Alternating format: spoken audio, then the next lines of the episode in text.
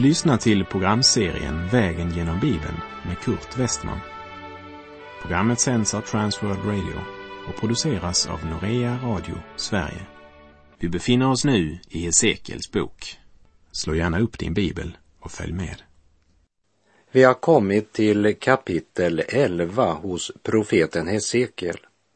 Det innehåller ett mycket allvarligt domsord över de Israels religiösa ledare som fortfarande befann sig i Jerusalem, som ännu inte var ödelagt.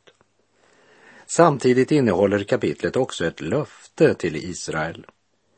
Låt mig innan vi går vidare säga att Hesekiels bok följer inte någon sträng kronologi så att händelser kommer inte alltid i den ordningsföljd som kapitelindelningen i Hesekiel. I kapitel 11 avslöjas ledarnas och de falska profeternas övermod. Speciellt 25 av de mest framstående männen i Israel. Vi läser Hesekiel 11, verserna 1 till och med 3. Sedan lyfte anden upp mig och förde mig till östra porten i Herrens hus, den som ligger mot öster. Och se, vid ingången befann sig tjugofem män. Bland dem såg jag Jasanja, Assurs son, och Pelatja, Benajas son, ledare bland folket. Då sade han till mig, du människobarn, det är dessa män som tänker ut ont och ger onda råd här i staden. Det är de som säger, det är inte tid att bygga hus. Här är grytan och vi är köttet. Trots att de flesta var bortförda som fångar till Babel så ser dessa ledare inte hur allvarlig situationen är. De fortsatte sin strutspolitik och ville inte höra varningarna varken från Jeremias mun eller från Hesekiel. Man sa att Jerusalem var grytan och de själva var köttet. Som grytan hindrar köttet att brännas upp av elden under den och som vattnet i grytan hindrar köttet att brännas så ska Jerusalems murar skydda dem mot ödeläggelse. Majoriteten av folket i Jerusalem och Juda är redan bortförda till Babel. Ändå är det materialismen som blomstrar. Det fanns ju gott om hus och lite folk. Det var bara att ta för sig. Men Guds dom vilar över dem. Och Herren säger att det är framför allt ledarna som fört folket vilse och ger onda råd. Det vill säga, man tröstar folket i deras synder och lever själva i synd. Vi läser Hesekiel 11, vers 4 och 5. Profetera därför mot dem, du människobarn, profetera. Då föll Herrens ande över mig. Han sade till mig, Säg, så säger Herren.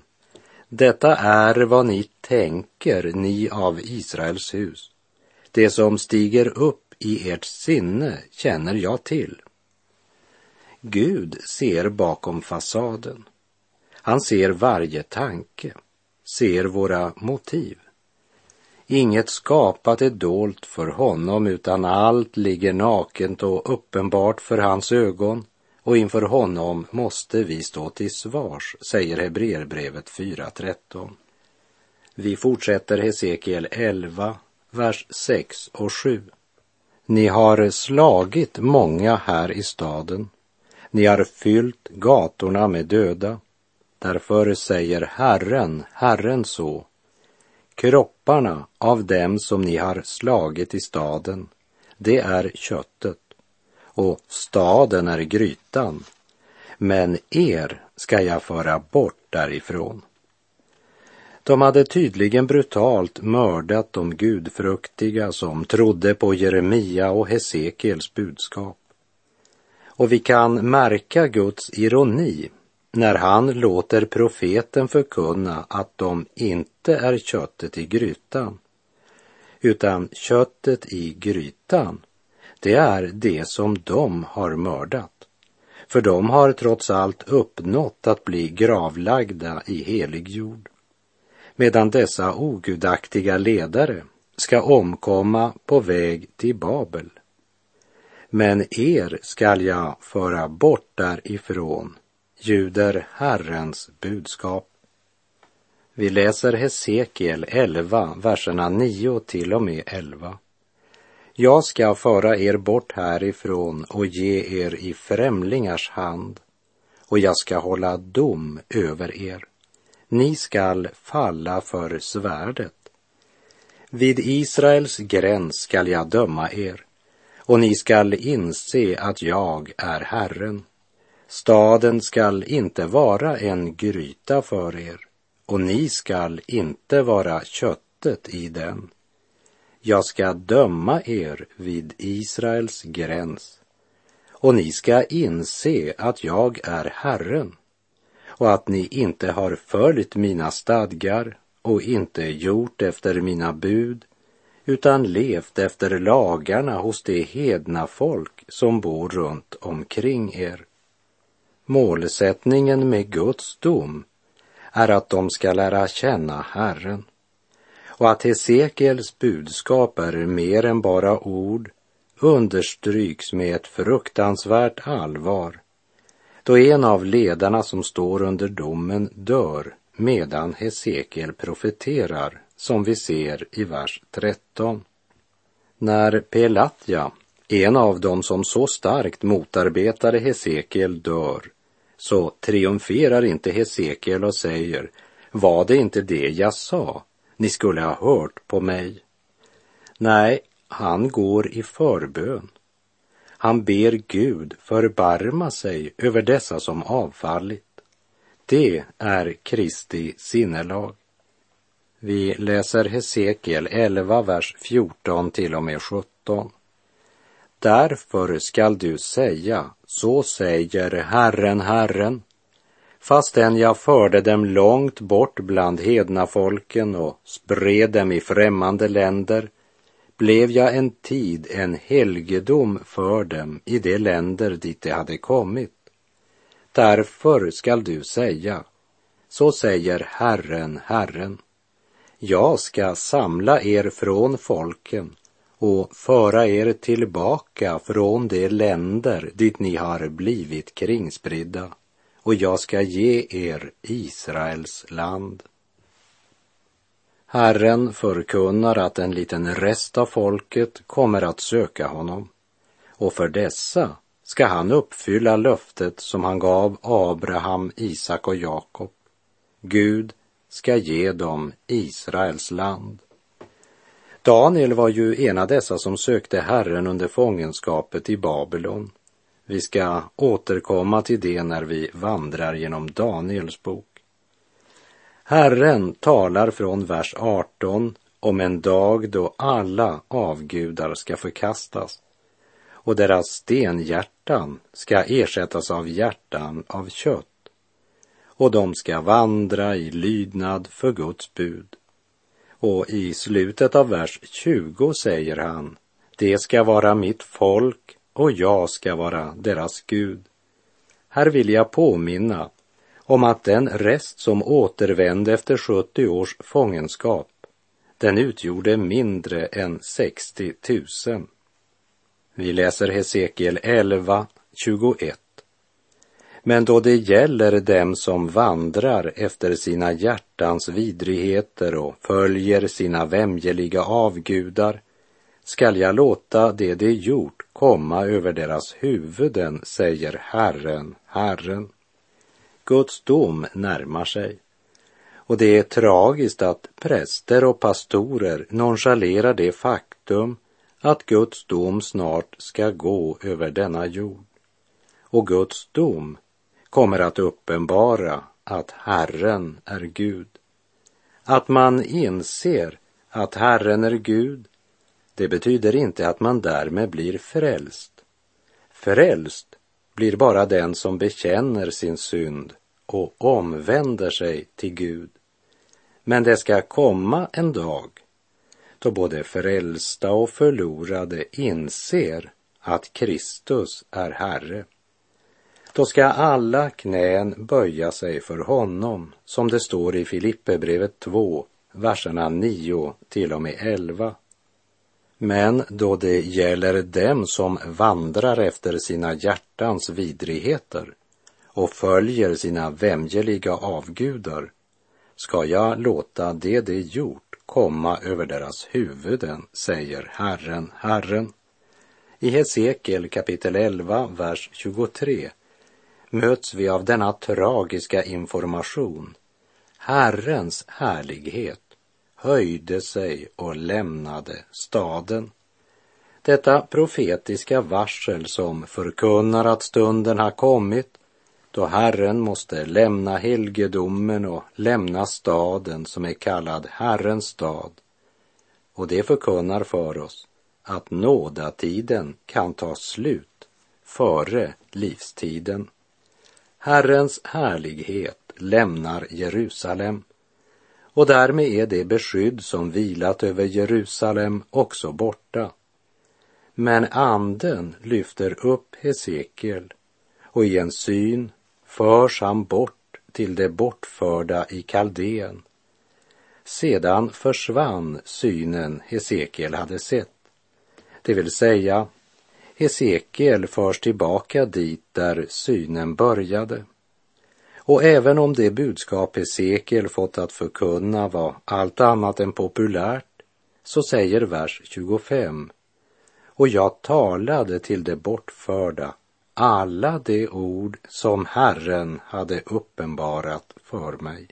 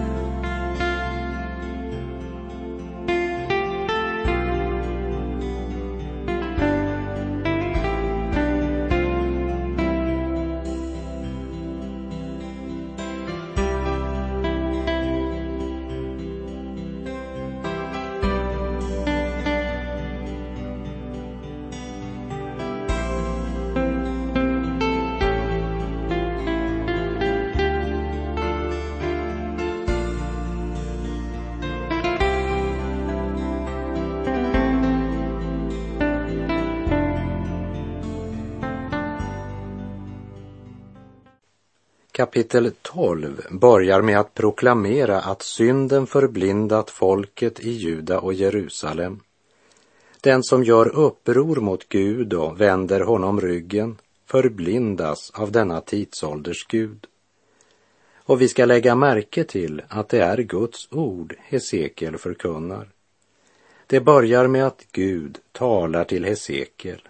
Därefter talar Hesekiel till folket.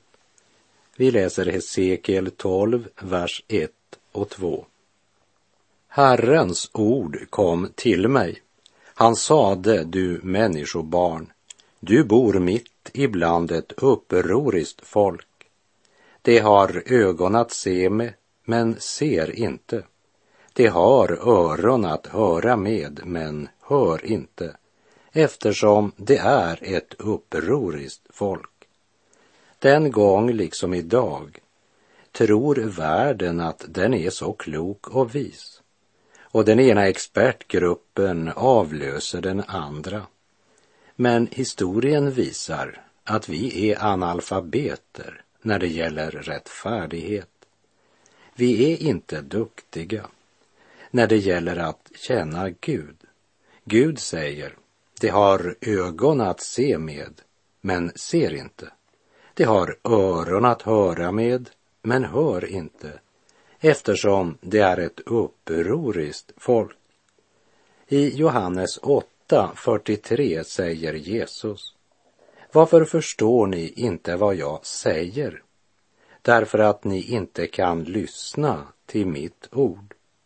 Och i NT 81 är det översatt så här. Varför fattar ni inte vad jag säger? Därför att ni inte står ut med att höra vad jag säger. De trodde att de var Guds barn, medan de i verkligheten var djävulens barn. Religion var de intresserade av, men ville inte böja sig för Guds heliga vilja, ville inte lyda Guds bud.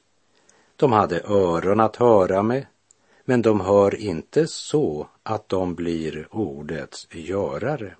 Och detsamma sker också idag.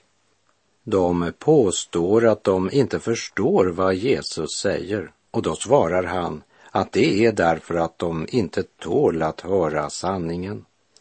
Det är intressant att lägga märke till att Jesus kan säga människorna sanningen, men de vill inte tro honom, utan istället väcker det deras hat och förakt. Däremot kan folk tro de vildaste rykten och de största lögner. Det har politikerna lärt och inte minst reklammakarna i både dagspress, veckopress och tv. När Paulus sitter i husarrest i Rom kallar han till sig de ledande bland judarna i Rom och han förkunnade Guds rike och vittnade om Jesus utifrån Mose lag och profeterna och så står det i Apostlagärningarna 28, verserna 24 till och med 27. Somliga lät sig övertygas av hans ord, men andra ville inte tro. Eftersom de inte kunde komma överens skildes de åt sedan Paulus hade sagt detta enda ord. Den helige ande talade rätt genom profeten Jesaja till era fäder när han sade Gå till detta folk och säg Även om ni hör ska ni inte förstå. Även om ni ser skall ni inte inse. Ty detta folks hjärta är förstockat. Det hör illa med sina öron. Det sluter sina ögon så att de inte ser med ögonen eller hör med öronen eller förstår med hjärtat och vänder om så att jag får bota dem.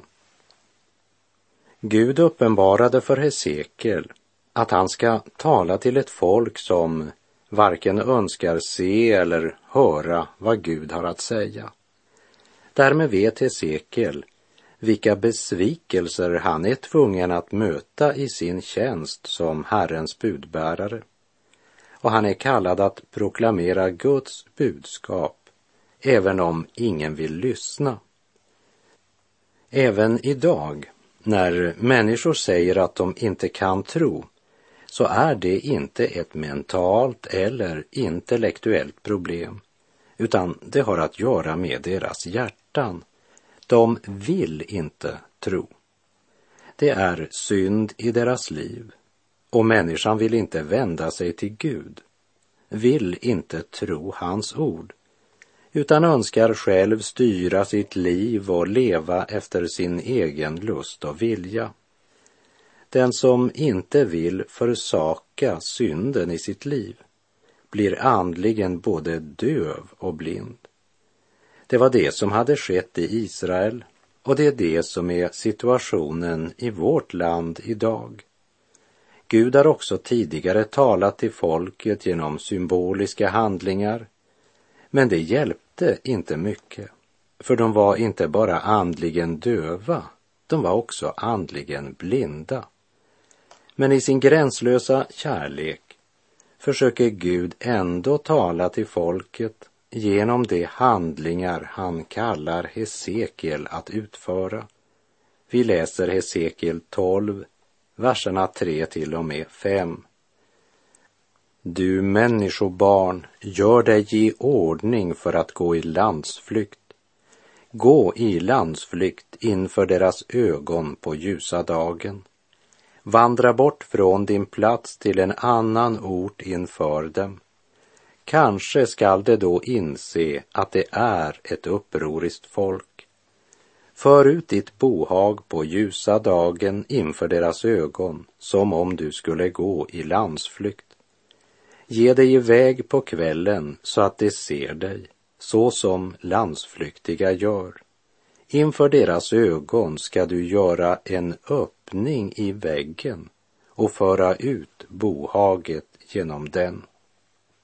Husen i Babylon var av soltorkad lera, så det var ganska lätt att slå hål i väggen. Och när han gör det måste ju de som passerar stanna upp och undra vad det är som föregår här. Att han ska ge sig iväg när mörkret bryter in illustrerar att resan sker ofrivilligt. Han har inte själv valt tidpunkten. Han har inget val. Han måste lämna sitt hem. Och när folket i Jerusalem frågar, vad är det du gör? Då ska Hesekiel svara, Hesekiel 12, vers 11. Säg, jag är ett tecken för er. Så som jag har gjort, så skall det gå dem. De skall vandra bort i landsflykt och fångenskap. Hesekiel förkunnar alltså för dem som är i fångenskap att det blir inte aktuellt att återvända till Jerusalem, utan de som ännu är kvar där ska snart tvingas gå i landsflykt de också. Snart ska de falska profeternas falska tröst rasa samman som ett korthus. Så det Hesekiel gör är ett gudomligt tecken.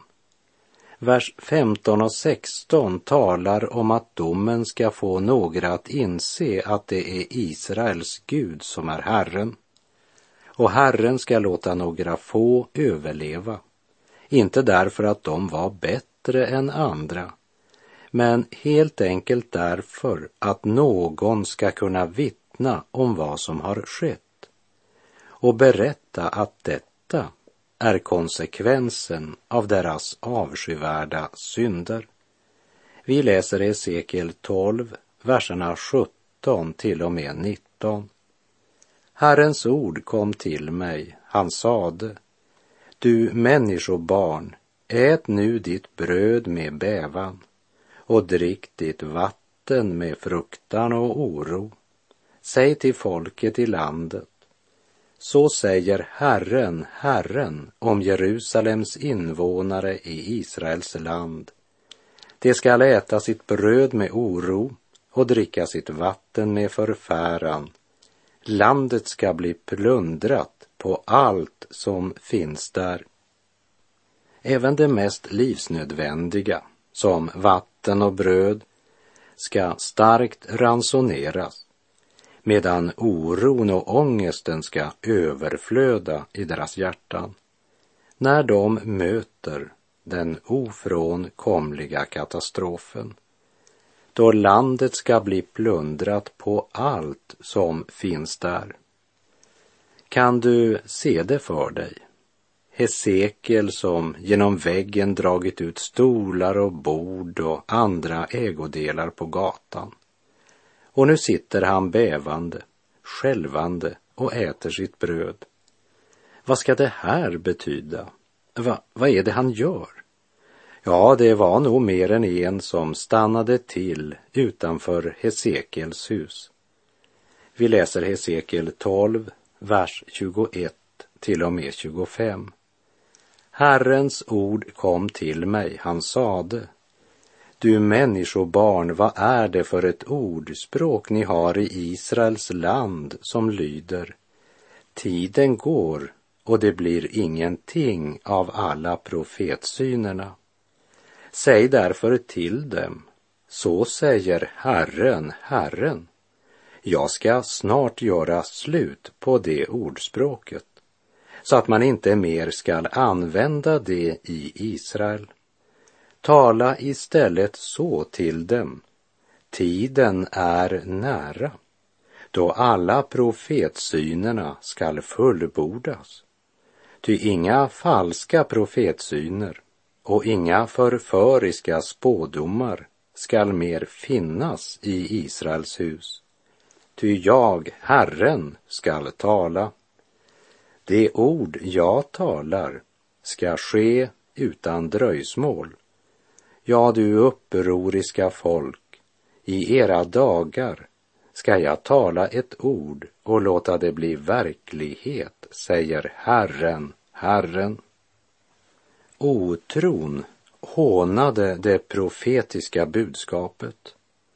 Istället för att vakna upp och omvända sig kommer man med ironiska kommentarer. Tiden går och det blir ingenting av alla profetsyner. Men Herren varnar folket för denna ta det med ro-mentalitet. Hesekiels budskap är som en vass kniv som med gudomlig skärpa skär rakt igenom alla ironiska kommentarer och bortförklaringar. Det profetiska budskap som nu proklameras ska inte dröja. Du som just nu lyssnar ska snart, mycket snart få se det, säger han. De falska profeterna med sina publikfriande syner och budskap ska snart förstumma när Gud straffar synden och domen ska börja i helgedomen. I det nya testamentet beskrivs denna sanning så här i Petrus första brev kapitel 4, vers 17. Ty tiden är inne för domen och den börjar med Guds hus. Men om den börjar med oss, vad ska då slutet bli för dem som inte lyder Guds evangelium? Och med det så är vår tid ute för den här gången. Så ska vi i nästa program se Herrens dom över de falska profeterna. Tron kommer av predikan, visst är det sant. Men även otron kommer av predikan, av falsk förkunnelse. Det ska vi också se närmare på i nästa program. Herren vare med dig. Må hans välsignelse vila över dig. Gud är helig och rättfärdig och han dömer synden. Men han ville så gärna frälsa syndaren om han får lov. Vänd dig till Gud. Endast han är god.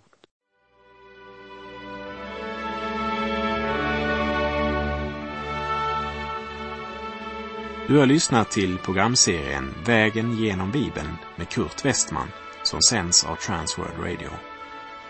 Programserien är producerad av Norea Radio Sverige. Om du önskar mer information om vårt radiomissionsarbete så skriv till Norea Radio Sverige, box 3419 103 68 Stockholm. Adressen är alltså Norea Radio Sverige, box 3419. Postnumret 10368 Stockholm.